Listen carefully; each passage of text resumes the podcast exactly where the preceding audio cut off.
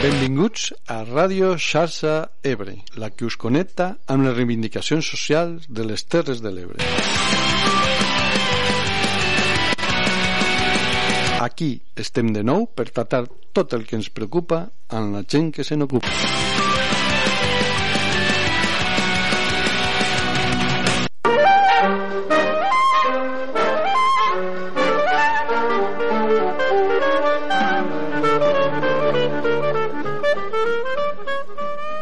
Bon dia i bona hora, bona gent. Com esteu?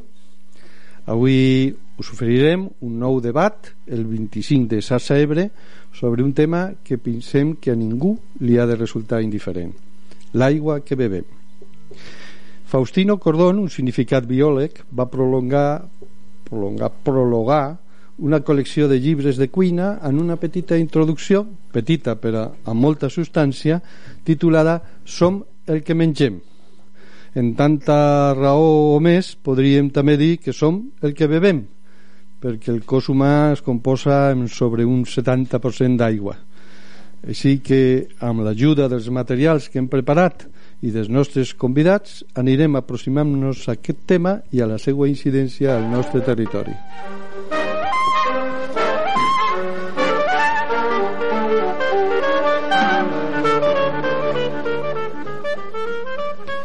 I és que a un territori que té per nom el d'un riu com l'Ebre, que li travessa de part a part el seu tram final, la sensibilitat pel tema de l'aigua no pot deixar d'estar ben desenvolupada. L'aigua flueix dins el riu i dins de nosaltres, i per això el lema de la plataforma en defensa de l'Ebre, lo riu és vida, no pot ser més encertat.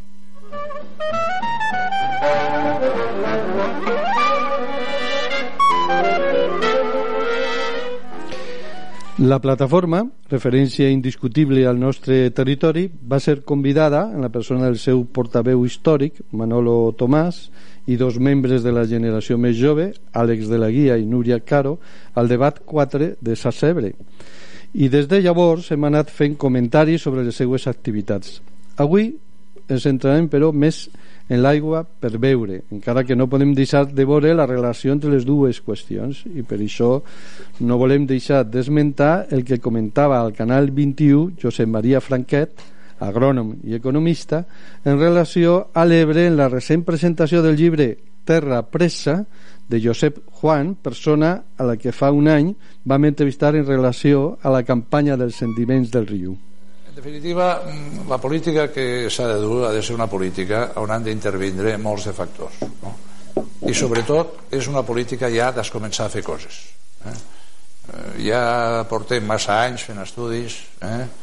i parlant molt i discutint-nos molt, però la cosa no avança. I el que sí que avança és el mar. Eh? I cada cop que es produeix un temporal de llevant, eh? ara mateix el Filomena també ha entrat, no? ara fa quatre dies, no? Vull dir, en definitiva, aquest és el gran problema que hi ha. Eh? Hem de posar en marxa i, i hem de tirar endavant. No? I això és el que no s'ha fet. I, I és el que s'ha de fer. I les administracions eh, han d'estar al tanto d'això. Hi ha un tema que és molt important aquí, parlant de les administracions, i és la seva responsabilitat. Que no és només una responsabilitat política del moment, sinó que és una responsabilitat eh, administrativa i fins a cert punt penal, no? segons com s'estudia el cas. No? Les administracions tenen l'obligació de vetllar pel territori. Qualsevol administració. L'Ajuntament té que vetllar pel territori de la seva jurisdicció, que és el municipi. Uh -huh. La Generalitat té que vetllar pel conjunt de Catalunya. L'Estat que vetllar pel conjunt de l'Estat. I en el cas del riu i del delta s'ha produït una inacció administrativa al llarg de tots aquests anys claríssima, incorrent en una figura delictiva perfectament tipificada que és eh, la dejació de funcions eh, i la inacció administrativa uh -huh. i en conseqüència la responsabilitat patrimonial de l'Estat i de l'administració que això comporta aquí passa que ens han robat autènticament, ens han furtat el deute eh? o sigui que eh, en contra del que s'ha dit alguna vegada de que els deltes eh, el seu natural és a de créixer o el seu natural és estar en l'estat en què ens trobem ara nosaltres, no? en un estat de dalt de toma i daca, no? d'anar creixent i decreixent en certes zones o tal. Això és completament fals. No hi ha més que mirar tots els estudis que s'han fet de tots els deltes del món, es començant pel nostre, pel delta de l'Ebre, i veurem que des de l'època dels romans i molt abans el delta anava creixent, creixent, creixent, això ho veiem en tots els estudis, fins que arriba l'any 1940 i deixa de créixer. Eh, deixa de créixer per què? Per què l'any 1940-50 deixa de créixer? Per l'embassament dels rius pirenaics, etc etc. I, I tot el que ha vingut detrás no? de, del, del sistema Ribarroja aquells aflics.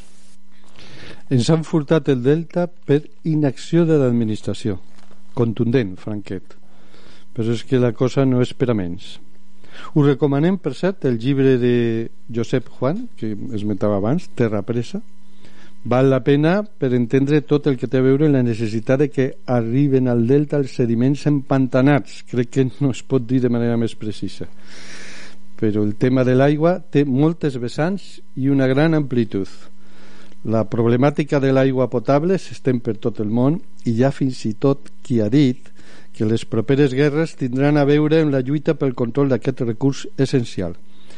Veiem el que ens arriba des del canal Encuentro de Argentina a través del documental Aguas Adentro, indicant que la visió respecte al problema en relació a l'aigua de boca depèn molt des de quin tan ideològic com geogràfic estiguem.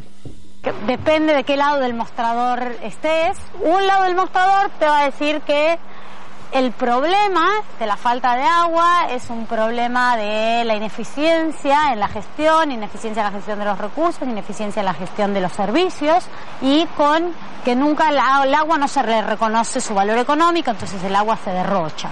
¿Qué lado el del otro lado del sería mostrador, ese? es el lado del mostrador mercantilista. Digamos. Claro.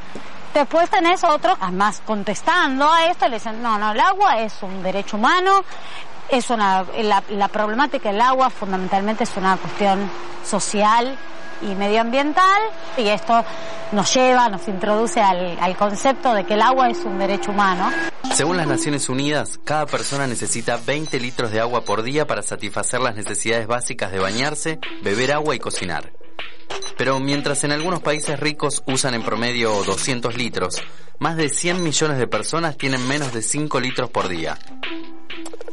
2.500 millones de personas, el equivalente a tres veces la población de Europa, actualmente no cuentan con un inodoro. Las consecuencias son graves.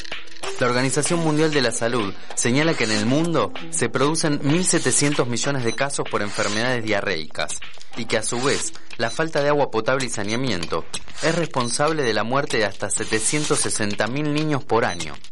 Los cambios que afecten el clima alterarán de manera inevitable la forma y la intensidad de las lluvias. ¿Y cómo podemos hacer para evitar la contaminación? Por un lado, con las medidas de la legislación y por otro lado, llevando adelante eh, monitoreos que son las tareas que realizamos periódicamente para evaluar la calidad del agua. Las decisiones que hoy tomemos afectarán a nuestras generaciones futuras. Efectivament, ens estem jugant molt en el que passi en l'aigua aquí i arreu el món. Le Monde Diplomatique, eh, una revista seriosa, ens informa de que actualment hi ha al món més de 1.000 milions de persones sense accés a l'aigua potable i 2.600 milions sense sanejament. I per si això fora poc sagnant, es preveu que en el canvi climàtic les inundacions augmentaran i els rius perdran cap dalt. Encara que avui parlarem sobretot de l'aigua de beure, no hem d'oblidar que més del 60% de l'aigua dolça s'utilitza per produir aliments. Així que no només quedarà afectat el beure, sinó també el menjar. I bé, tornant cap a casa nostra, no podem deixar de veure que el control públic de l'aigua és encara menor a Catalunya que a la majoria dels països d'Europa. Miriam Planas, enginera i portaveu de l'organització Aigua és Vida, que està impulsant la remunicipalització de l'aigua, ens situa en el context de la seva reivindicació. el que nosaltres volem, el model que nos, la fita que tenim no és un, un model de grans empreses públiques que gestionin l'aigua, que podria ser semblant al que hi ha ara mateix amb les empreses privades, sinó el que, el que volem és que la, la ciutadania es reapropi d'aquest servei, d'aquest bé comú i pugui també participar en les, en les decisions. Per això és tan important prendre consciència de, de la importància de l'aigua. I, i creiem que aquesta és la forma de fer-ho perquè l'objectiu de, la, de la gestió pública és, és poder garantir per tothom l'aigua, en canvi l'objectiu de la gestió privada és generar beneficis al final. Els últims anys el fet de deixar aquesta gestió en mans privades ha, ha comportat una pèrdua de coneixement i de capacitat de fiscalització i de control de les administracions públiques dels municipis d'aquest servei.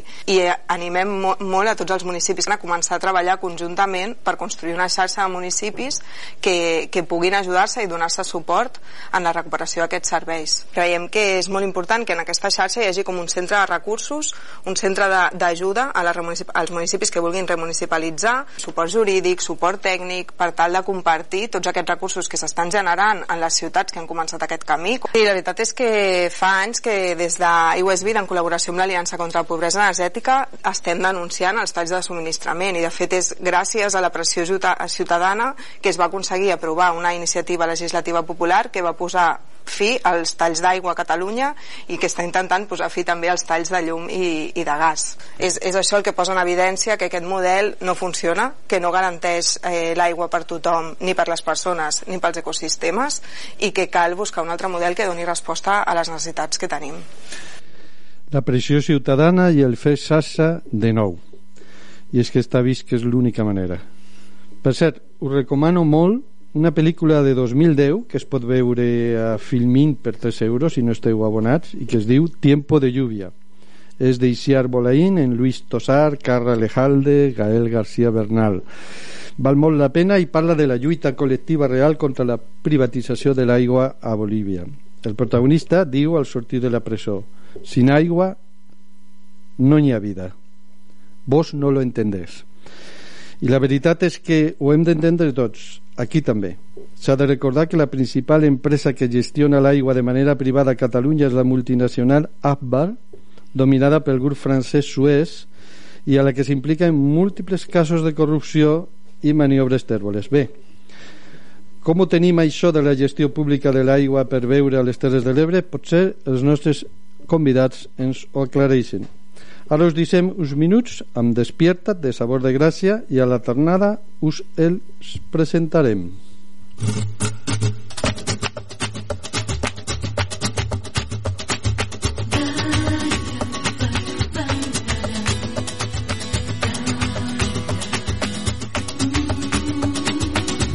Alegres vamos, contándonos penas y fiestas, en cada esquina un futuro incierto, cada cual con su borrachera mochilas de desastres y muestrarios de infortunio, de utopías y de engaños, aterrorizan al mundo. Esto tiene que cambiar, no se puede aguantar más. La historia es insostenible, imposible volver atrás. Una sombra de dolor tenemos por compañera, sin querer y no poder, sin saber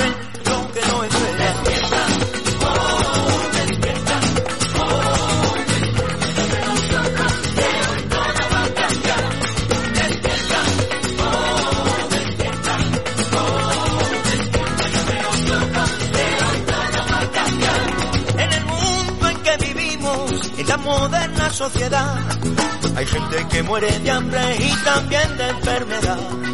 Algunos en la miseria, sin tener culpa de nada. Víctimas de falsas guerras que se pueden evitar. Vivamos en un mundo loco, huyendo de nuestro camino. Hechos por el petróleo, caminando sin destino, sin perdón ni desagravio. El amo del mundo es cretino, se refugia en su promesa aprende del manual del asesino.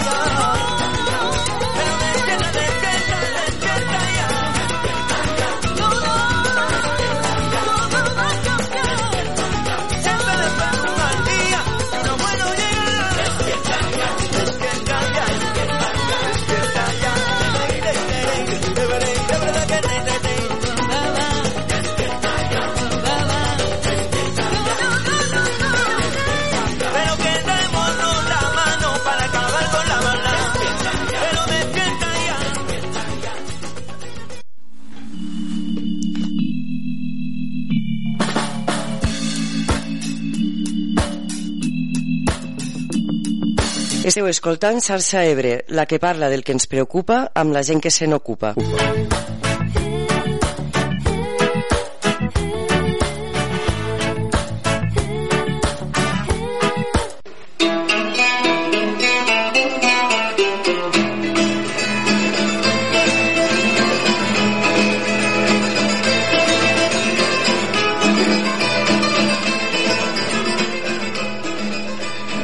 Bé, per parlar de com està tot això al nostre territori, tenim dos convidats al programa. A l'estudi ens acompanya Pio Puig, farmacèutic d'Uldecona, en un màster en tecnologia de l'aigua i molts anys d'experiència en l'anàlisi de la qualitat de l'aigua que bevem. Bon dia, Pio. Eh, bon dia. Sí. eh, Bon dia. Bueno, Bon dia, Vicent. Pio, tu creus que seria preferible que els ajuntaments es fessin càrrec de la gestió directa de l'aigua potable com proposen des d'Aigua i és Vida, que acabem de sentir, i ja sembla que ja ho fan més de 500 municipis a Catalunya i, bueno, juntant en això, per què creus que a les Terres de l'Ebre sembla que no avança massa aquesta remunicipalització? Mm, Bueno, normalment és, el problema sempre és econòmic. Eh, en un principi, la, els ajuntaments menuts, per assegurar-se que l'aigua no falle, s'han de procurar que si un motor s'averia se pugui canviar ràpidament per un altre i per això tindrien que tindre un magatzem de motors per almenys tindre el preu que això val Llavors, quan tractes d'una companyia gran que porta molts de pobles, el teu problema se resol perquè lo, la reposició de material és còmodo. Eh, l'única manera d'aconseguir, perquè a mi també m'agrada m'agrada que sigui l'Ajuntament perquè l'Ajuntament és el responsable que de, de la qualitat és la que ens coneix a tots mm, pel nom.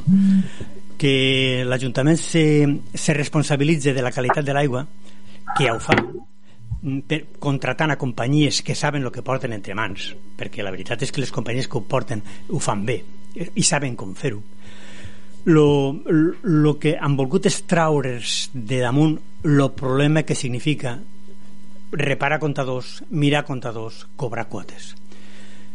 Quan este problema se resol, perquè això és una filosofia de treball, i aconsegueixen que adjuntar a diversos pobles que tinguin el mateix problema, per exemple, que tinguin el mateix tipus de bomba, que tinguin el mateix diòmetre de pou, que, tinguin, que, tinguin, que puguen, se posen d'acord en tindre una màquina una màquina grua que sigui capaç de fer un canvi en un divendres, perquè la llei de Murphy és terrible, i més en l'aigua. Basta que, basta que sigui un divendres de tarda o de, de nit perquè tinguis el primer problema en, en l'abastament d'una aigua el problema només és, és de purament econòmic. I ara en aquests moments si es fessin les coses ben fetes el preu de l'aigua podria dividir-se per tres. Si l'administració perquè una societat anònima que és la que t'administra una societat anònima té que donar sempre beneficis. I si no, no treballaria quin benefici té una societat anònima o una societat límit o una societat qualsevol pues com a mínim el 15% un 15% després de pagar gastos. Per tant eh, mm, aquí ens trobem en que, en que si tenint en compte de que l'administració de l'aigua del poble és un servei, el qual vol dir que no pot tenir beneficis i que els beneficis que té se tenen que fer recaure damunt del propi servei, tot és una filosofia de treball. I aquesta filosofia de treball se té que posar com a factor comú en, en pobles de, de, de número d'habitats pareguts o que tinguéssim un problema similar, el que deia antes, un diàmetre de pou per poder tindre, compartir un, un, un, un dipòsit de bombes, etc. Uh -huh. No sé si he contestat. Sí, sí, sí, sí. De fet, vas en la línia del que deien a Aigües Vida, fer una xarxa entre els pobles per a compartir. Bé, gràcies, Pio. Us presentem ara el segon convidat, en què estem connectats de manera telemàtica. Es tracta d'Àlvaro Arasa, doctor en Geologia, autor del llibre Aigües, una aproximació a les Terres de l'Ebre, on dona una explicació detallada, acompanyada de moltes dades i gràfics, de quina és la situació al territori, tant de les aigües superficials com de les subterrànies i de les domèstiques. Doncs Álvaro, gràcies per participar. Bon dia. Bon dia. Tu parles al teu llibre de que hem d'exigir transparència en les informacions sobre la qualitat de l'aigua de l'aixeta que molts pocs municipis proporcionen. En què consistiria aquesta informació i per què és tan important que els ciutadans la coneguin? Bé, jo, entre altres coses, el llibre el faig sobretot per a la gent i l'usuari normal. És evident que conté alguns aspectes tècnics que també poso algun annex per explicar-ho, com funcionen, la interpretació d'aquests tecnicismes. La, la idea eh, va sorgir fonamentalment a partir del, 18, del juny del 18, eh, quan a Mora la Nova va hi haver un, una situació d'un plaguicida, l'isopropil triacina, a un centenar de metres de, de, de profunditat que va arribar eh, i d'alguna manera vol dir que allò es va anar infiltrant durant els últims anys que s'ha anat utilitzant aquest plaguicida i llavors, d'alguna manera, eh, bueno, vaig mirar de dir, bueno, sí que estan advertint a la població de que no begui aigua perquè té este plaguicida, a no ser que tinguin algun tipus de filtre que elimine o absorbisque este producte, i si no, pues que beguen aigua de la, del camió cisterna que vindrà repartit al poble o si tenen aigua envasada o no, o, bueno, tot este tema. No?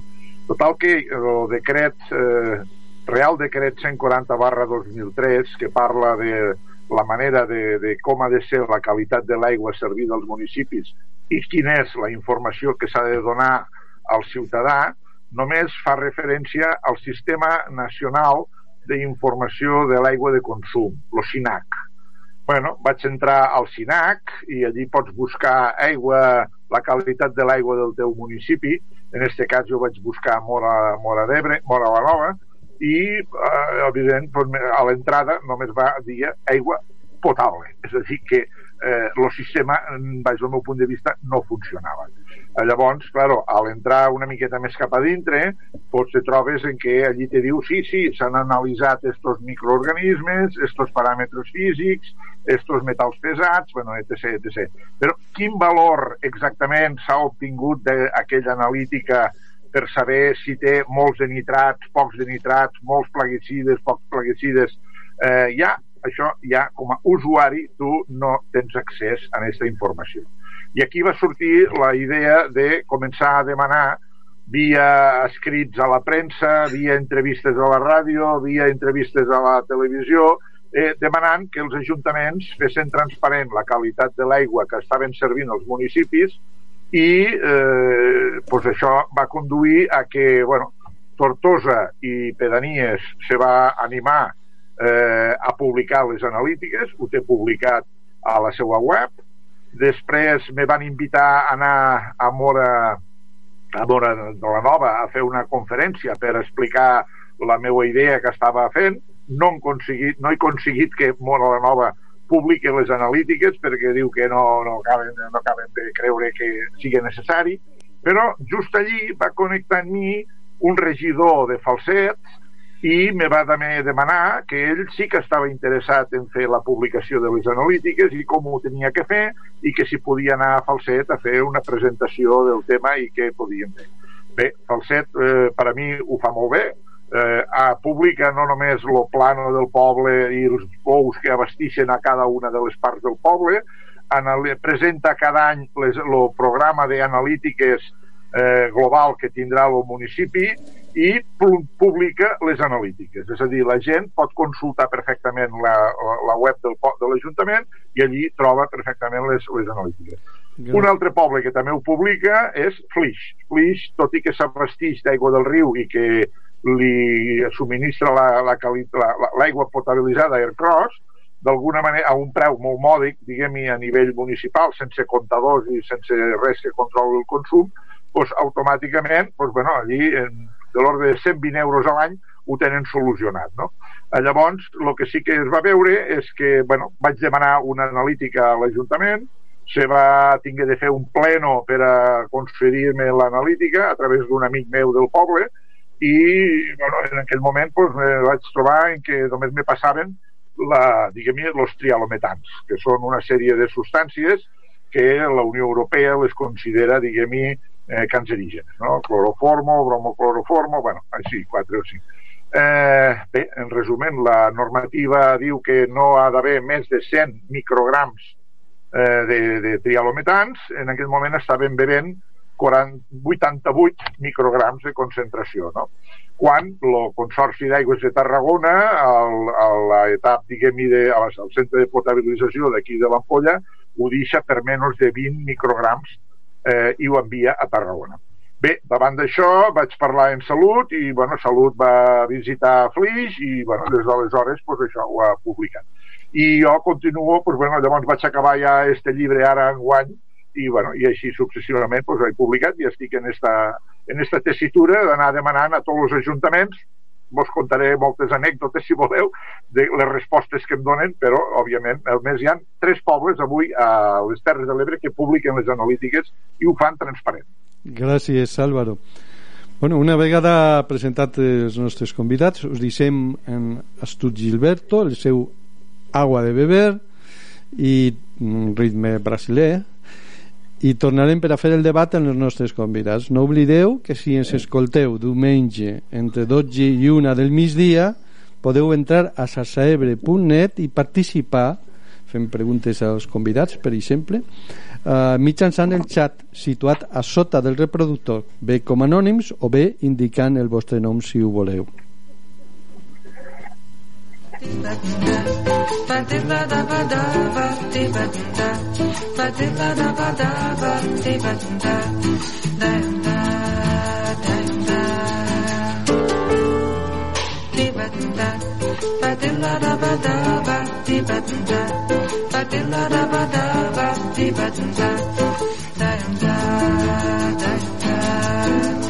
Eu quis amar, mas tive medo e quis salvar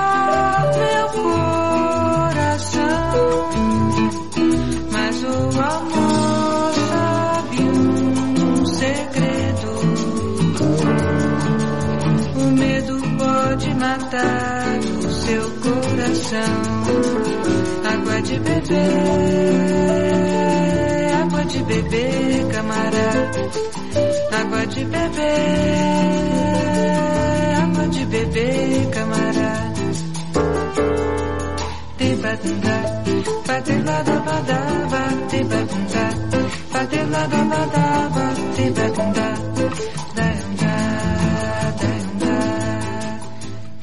Tenim diverses coses per plantejar el debat, però per començar-lo mmm, volem que intervingui un dels nostres col·laboradors, Enrique Lange, que es vol adreçar als nostres convidats, plantejant un cas d'actualitat ara al poble de Santa Bàrbara on es vol instal·lar una planta de compostatge que alguns veïns consideren que podria contaminar l'aigua de boca. Endavant Enric, explica'ns si es plau. Hola, gràcies a tots i totes per deixar-me intervindre al programa eh, jo crec que la gestió de l'aigua comença per la protecció dels nostres rius i aqüífers.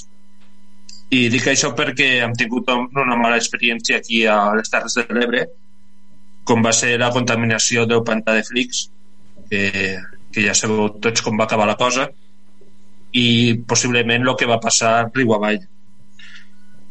Los, los rius i els aqüífers són les grans reserves naturals d'aigua i, i crec que no es que ficar mai en perill per cap, que, per cap circumstància, perquè sabeu que ara els països rics són els que tenen petrolis, però dia de demà els països rics seran, o les zones riques, seran les que tindran aigua potable.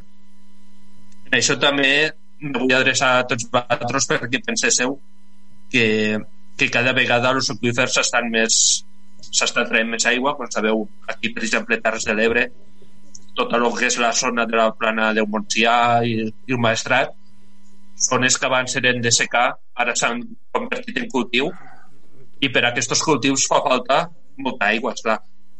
I el curiós és que s'està traient molta aigua per produir, per exemple, cítrics i tots sabeu que el mercat exigeix uns tamanys, uns calibres i moltes vegades ens veiem que hem invertit molta aigua per fer un producte que després gran part del producte acaba a terra perquè no és comercialitzable.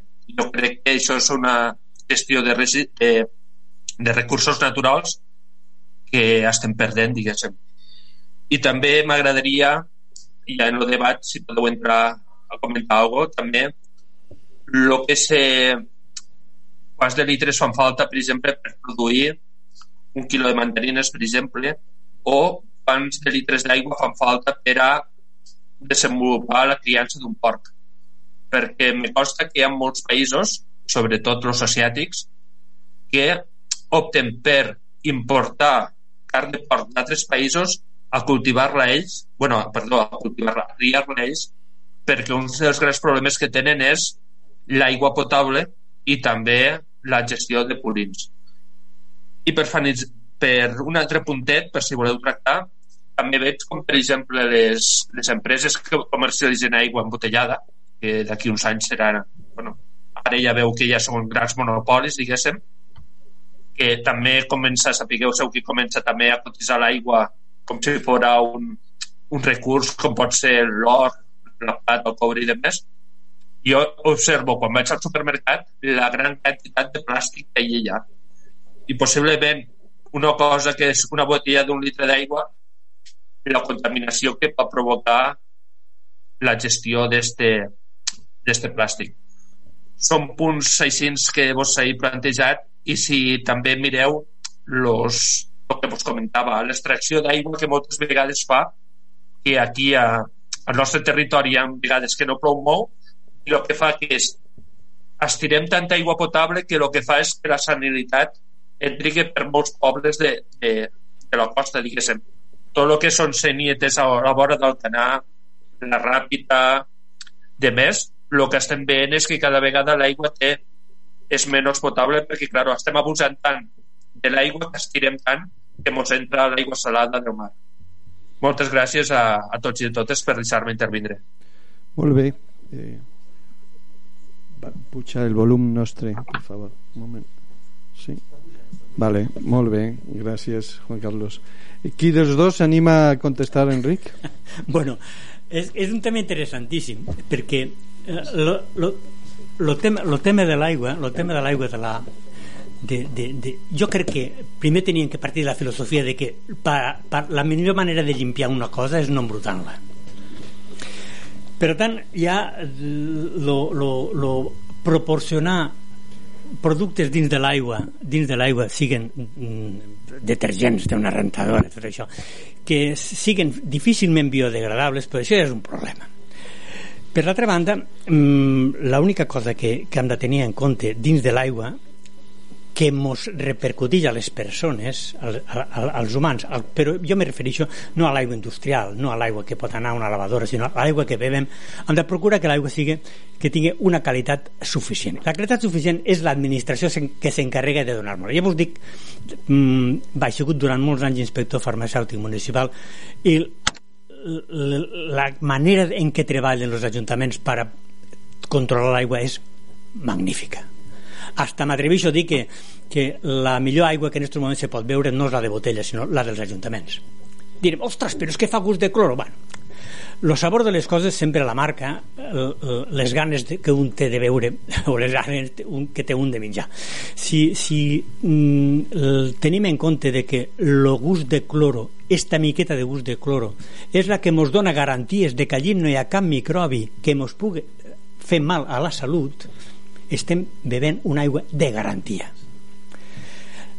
les altres aigües, les aigües embotellades, les aigües embotellades porten uns controls, però simplement és una aigua cara que no, que no substitueix en qualitat a l'aigua que tenim nosaltres a les eixetes.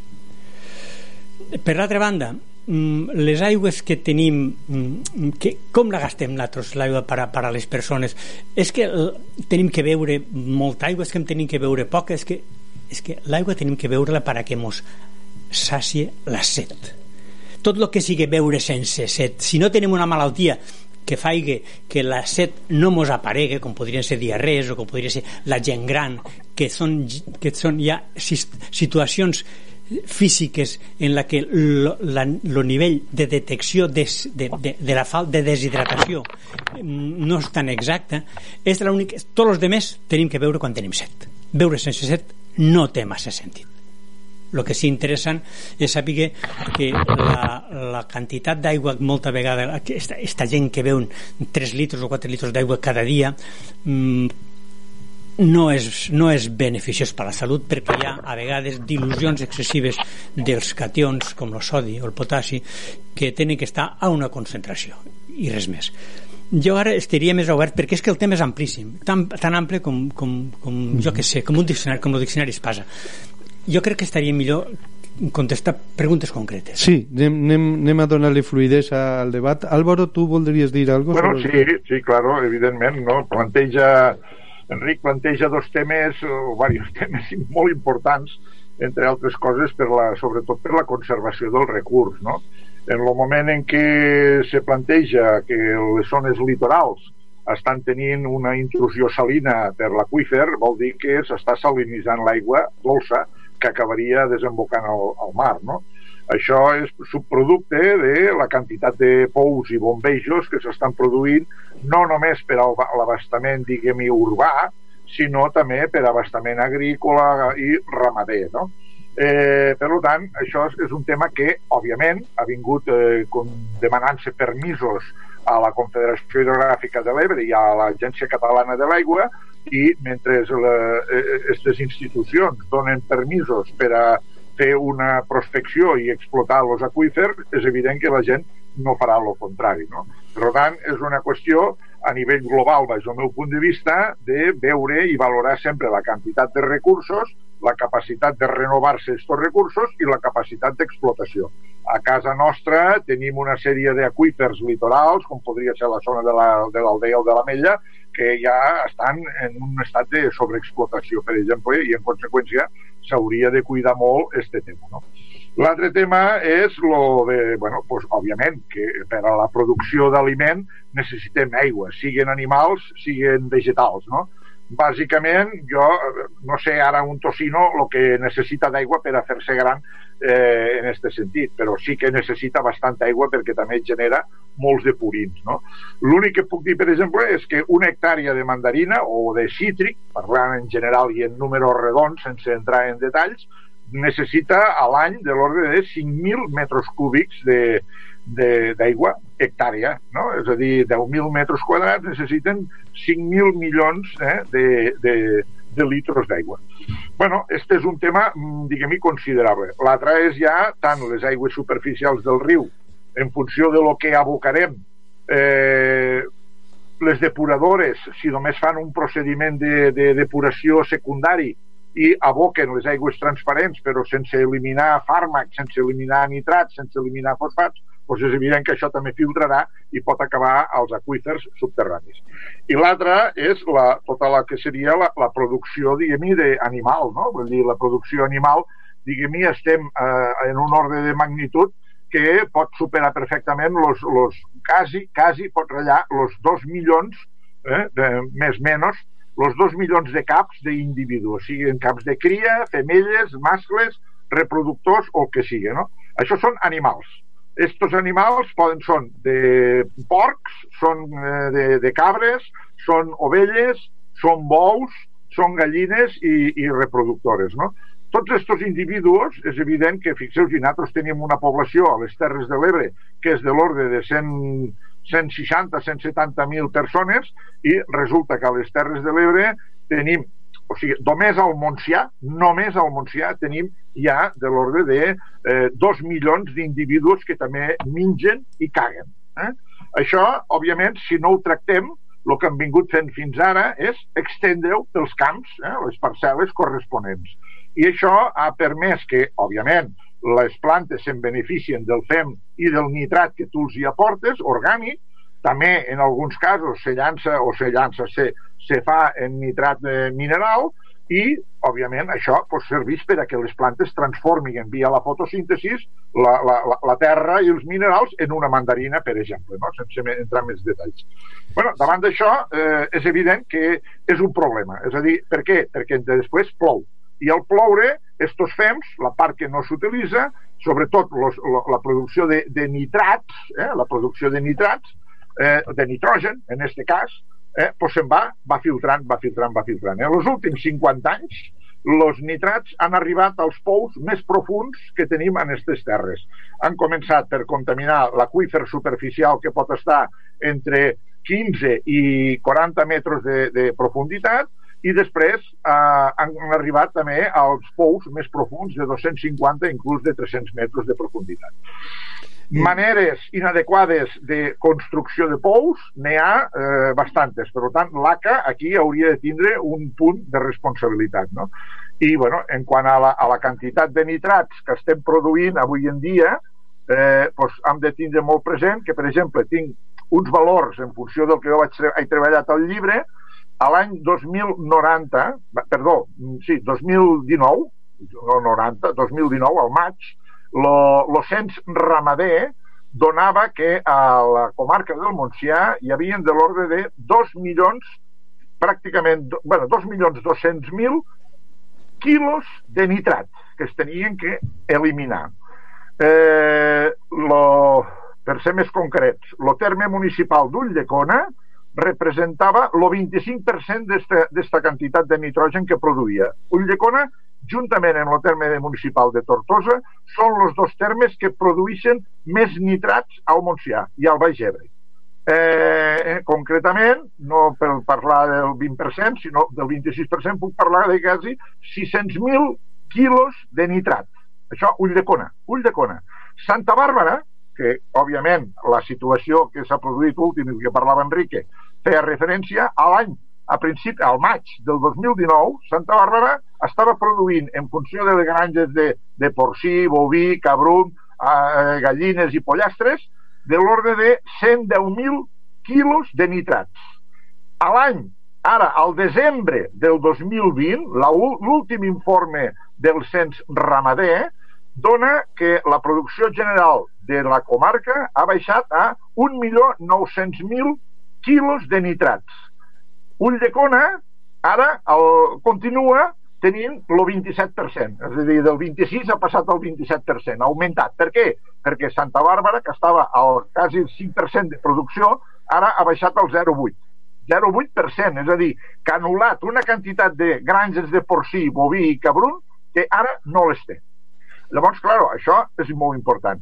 Si sí. continuem escampant l'OFEM, agricultura, no permet que això, cada comarca, ca, perdó, cada comarca, cada municipi gestione, acabe gestionant els seus excrements i la seva d'allò fent compostatge, la solució no acaba sent bona quan tenim a Santa Bàrbara, ara en aquests casos jo m'he manifestat a favor del sí, però sempre en garanties, és evident que llavors no acabem de funcionar. Per tant, hem de fer un replantejament tant de l'ACA com d'agricultura, com de totes les dejeccions ramaderes per a recompostar-les o això no acabarà funcionant. Què queda dit, Álvaro? No, disculpeu si m'he excés una mica, però és que, claro, hi ha moltes coses a tocar, sí, no? Sí, no. Bueno, ara, ara ja, com, com ja ens queden 10 minutets, haurem d'anar, hi ha molts temes, haurem d'anar així en respostes més, més rapidetes. Tenim una, una oient que pel xat ens ha fet una, ens ha fet una pregunta eh, que podem contestar des d'aquí, des del programa, perquè ella diu que quants municipis hi estan eh, fent-lo de manera mancomunada, quants estan remunicipalitzant. Jo tinc un informe que és de Marc Font, de, de la revista Crític, el podeu buscar, es diu Radiografia de la, de la influència d'Abat sobre el territori de cull de les polèmiques principals. I ahir dona una informació és de, és de fa dos anys per tant encara encara està actual però segurament s'ha modificat una mica. Diu que hi ha 506 municipis eh, que ja fan eh, està la informació està en la plataforma Aigües Vida la que hem comentat abans que hi ha un mapa de l'aigua i podeu consultar-lo i saber que gestionen ja directament el subministrament dels recursos. N'hi ha 394 que han apostat per una gestió privada i 45 que han apostat per un model mixt.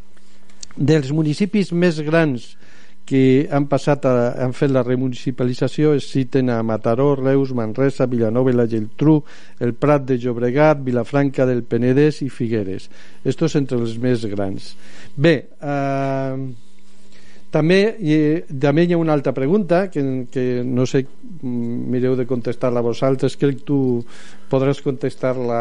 Mm, de fet ja n'has parlat una mica Pio, diu eh, el gust del cloro val però la calç a l'aigua? Tu parlaves del cloro, ara pregunten per la cal de l'aigua, pot afectar a la salut? La calç? No, en absolut, en absolut. La prova està que bevem llet perquè porta, perquè porta calç i la carn porta calç i tot porta calç i ojalà, i ojalà la, la, la, calç que porta l'aigua si fos un, un, una calç absorbible. No oblidéssim que tenim allí a l'estómac una, un, un àcid clorhídric o sigui, una aportació de cloro encara que vingui per la forma de cloro dins de l'aigua l'organisme nostre la pot aprofitar perquè lo convertís pues, en àcid clorhídric per, eh, quan arriba, quan arriba una, una sal càlcica soluble a, a, a l'estómac normalment l'àcid clorhídric intervé i la major part de les vegades la major part de les vegades la descomposa en, CO, en, en anhídrid carbònic que, que l'eliminem com, com a gas i l'altre se converteix en clorur de calç. El clorur de calç dubto que tingui capacitat de ser absorbit per altra manera, si tu agarres un, una botella, que és dels pocs, dels pocs datos que porta una etiqueta d'una botella, és la calç, i, la calç i el magnesi, veureu vosaltres que estem parlant de 80, 90 mil·lígrams, mil·lígrams de, de, de calç per litro. Eh? Per tant estem parlant de quantitats ridícules. El que passa que si utilitzem eh, reactius molt, molt llamatius com podrien ser les murexides per exemple, deixar caure una goteta d'una murexida dins de, dins de l'aigua la fa d'un color blava marronosa. I això és el que moltes vegades s'utilitzen els venedors de filtres per a dir que l'aigua que estem bevent és una aigua que no reuneix condicions.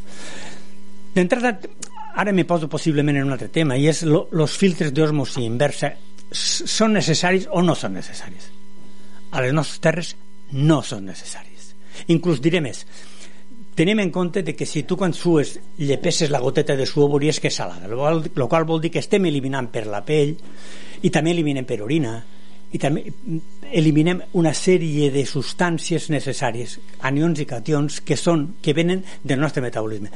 Si tu gastesses contínuament i no aportessis anions i cations, podria dir-te que estaríem en perill, la nostra vida correria perill. Per tant, l'aportació per part de l'aigua d'anions i cations, d'estos que l'administració deixa passar dona com a bons són bons, és dir, l'aigua destilada per exemple, que és una aigua límpia d'anions i cations, que és el que aconseguiries en una aigua, en una aigua d'osmosi inversa no és bona. Dubto que es pogués catalogar com a aigua potable per què? Perquè no mos aporta res. Inclús l'aigua molt, molt desmineralitzada, l'aigua d'osmosi a nivell proper al zero, és una aigua que podria ser perillosa per a la salut. Moltes gràcies, Pio. Ja, ja...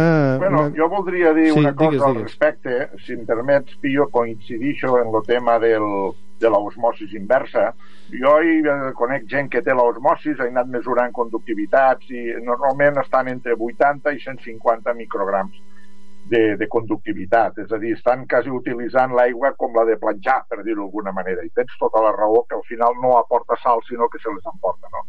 Jo al llibre proposo un simple filtre de carbó actiu granular per eliminar el mal gust del color i si com a Flix tenen bastants trialometans perquè utilitzen aigua del riu, doncs los elimina, los absorbix. Eh? Vull dir, això està, ho he comprovat en cromatògraf i tota la història. Sí. Però una qüestió del que és la, la calç, hem de parlar de la litiasis, la litiasis que afecta per la duresa de la calç i del magnesi, la gent posa a vegades estos dels descalcificadors, que són a, a base de polifosfat sòdic, que llavors sí que t'absorbix, elimina una part, diguem la llança, l'altra la potabilitza o elimina la, la calç, diguem i la, li posa sodi. Eh? En conseqüència, lo millor pot acabar eh, eliminant la calç i el magnesi, però resulta que puja el sodi i t'augmenta la pressió. bueno, només volia fer aquesta puntualització. Vale, gràcies, Álvaro. No, És que el que et volia precisament a tu fer dues preguntes. Una que ens fan des del xat, la gent que ens està escoltant, i una altra que,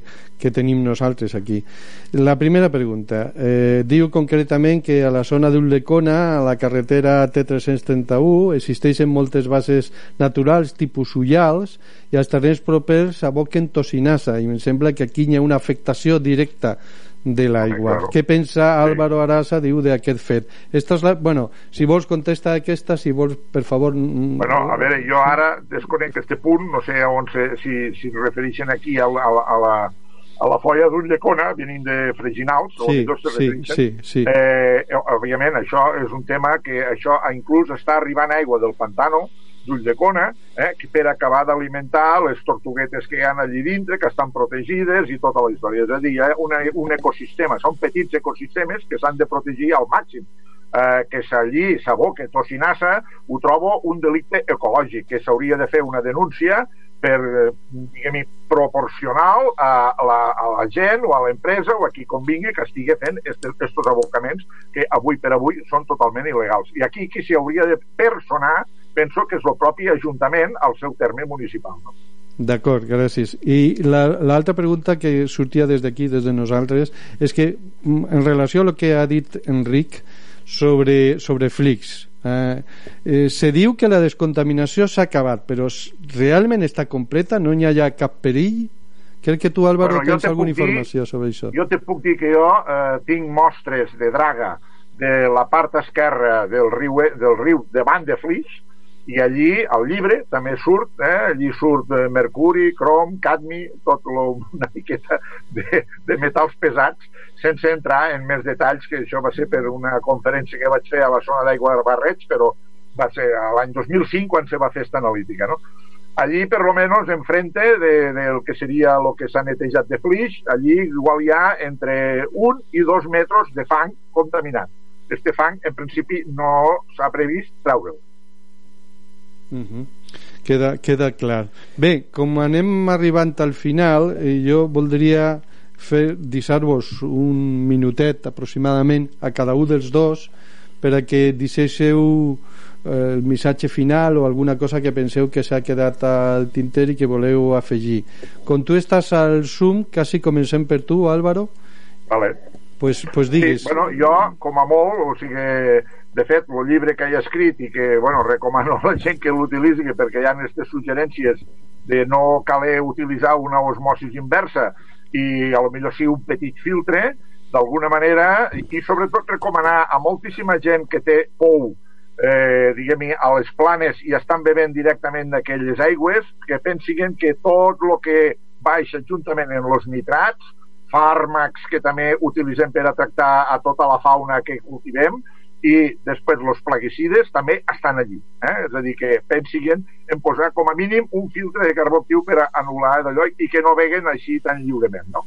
Bueno, I l'altre seria, jo, la gran meva reivindicació és que els ajuntaments haurien de publicar les analítiques i que no es quedin amagats detrás del Real Decret 140 barra 2003 que no obliga a publicar les analítiques. Però per a ser transparents i fer una gestió i l'aigua transparent, tot s'ha de publicar i ensenyar-ho. No costa res avui en dia en els mitjos informàtics analítica que mos arriba del laboratori, pla, penjar-la. I això és el que està fent avui en dia Tortosa, Falset i Flix degut a les pressions, ni una ni mitja, als raonaments que han arribat en ells i que estan avui en dia publicant. Res més, que ho publiquen. Pues moltes gràcies, Álvaro Pío. bueno, jo tenia diverses notetes perquè són coses que m'agradaria que, que entressin al coneixement de les persones basant-nos en curiositats. Jo ara, mm, aquí me s'ha ocorrit el tema de les aigües, les aigües miraculoses. Aquestes aigües que dius, és que esta aigua acidula, esta aigua acidula lo, lo, lo medi intern, esta aigua l'acidifica, esta aigua és antiinflamatòria. bueno, anem a veure. Eh, No tenim que perdre mai de vista de que l'hom- l'home és, un, és un ésser que viu aïllat de lo que l'envolta i dins de l'organisme tenim la sang que té una homeostàsia, que vol dir que lucha per tots els seus medis per a poder mantindre's constants tant en pH com en temperatura com en coses. Per tant, quan nosaltres volem acidificar mm, la sang, menys mal que no ho aconseguim perquè si ho aconseguíssim mos, possiblement ens moriríem en, en qüestió de minuts. I el mateix parlo d'alcalinitzar per altra banda, quan parlàvem antes de que la calç pot donar càlculs renals és molt complicat i no s'ha demostrat perquè la forma en la que apareixen els cristalls poden ser la forma de carbonats cosa que dubto que siguin d'origen de l'alimentació i per altra banda oxalats. oxalats L'àcid oxàlic forma part del metabolisme de les persones i reacciona en la calç donant un cristal insoluble que forma cristal·let que sí que dona càlculs però és que la calç dins del, de la nostra homeostàsia és una constant, és que no cal que la vegues en l'aigua per a que. El nivell de calç en, en les persones és constant. Per tant, a nivell renal passa sempre la mateixa quantitat de calç i reacciona el que hi ha o el que nosaltres sintetitzem. Si hi ha una, una, una presència d'àcid oxàlic i el nostre organisme i el nostre organisme reté l'oxalat de calç, doncs tindrem cristal d'oxalat de calç però no vol dir, ni molt menys, que la calç que nosaltres bevem sigui la responsable dels càlculs renals. Perquè ja te vos dic, torno a dir-vos que la llet que bevem, el formatge que mengem, etc tenen calç en gran quantitat. Han de beure mil litres d'aigua per, per, per equivaldre potser a un, a un quilo de formatge per tant no, no, no tenim que complicar nos la vida mm, canviant el règim de, be, de begudes per culpa de la calç la calç és bona el sodi és bo el que passa que tenim que tindre en compte que així com la calç veu el que tu vulguis no passa res. En la cas del sodi i el potassi sí que li canvia el sabor. Però la calç fa l'aigua una miqueta més dura però no, no li afecta a la salut de les persones. Això és el que volia deixar entendre. Pues moltes gràcies també Pio la veritat és que no acabaríem mai de parlar en els nostres convidats d'avui però el temps se'ns esgota estem arribant ja a la una. Abans de fer el comiat com cal i donar-vos les darreres informacions us deixarem en l'Averizo i Víctor Heredia con su Sobreviviendo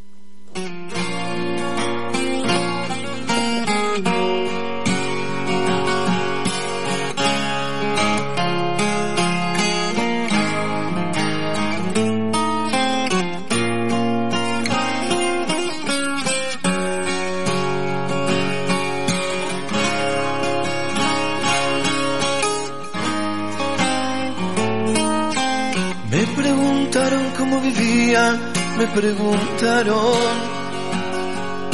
Sobreviviendo, dije, sobreviviendo.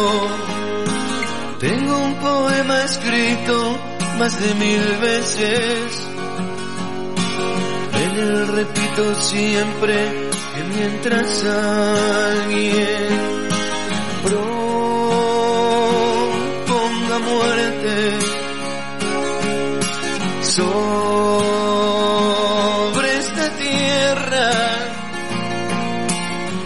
se fabriquen armas para la guerra. Yo pisaré estos campos sobreviviendo, todos frente al peligro sobreviviendo.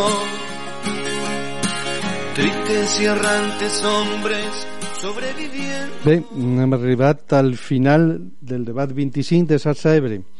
Per la nostra part, es queda agrair a Álvaro Arasa, Pio Puig, Enrique Langi, així com els que han participat pel xat, Tissa i altres companys i companyes que ho han fet de manera anònima, i a les emissores que ens retransmeten Radio Joventut, la Plana Ràdio, la Senia Ràdio, de la part de l'equip de Sarsa Ebre.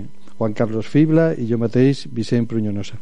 El proper debat serà ja el 21 de març, però sabeu que no us deixem sols, us acompanyem tots els diumenges a les 12 en comentaris fàcils d'interessants materials sonors i bona música. I per cert, si d'aquest tema en voleu eh, comentar més coses que nosaltres podem retransmetre als convidats perquè ells contesten i comentar-lo el proper diumenge eh, ja sabeu que podeu utilitzar el telèfon del programa mm, via, per exemple, WhatsApp o Telegram deixant un, un àudio o un test. El número és el 698 39 30 63 repeteixo 6 98 39 30 63 i això m'ho van dir que ho repeteixo per si algú està prenent nota i no l'ha donat temps així que faig cas i ho repeteixo. Us esperem. Fins la propera. Salut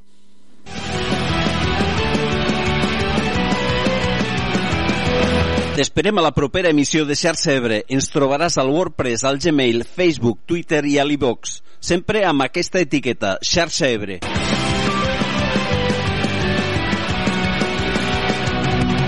No oblides subscriure't, sabràs les dates i els convidats dels propers programes. Fins aviat, seguim fent xarxa.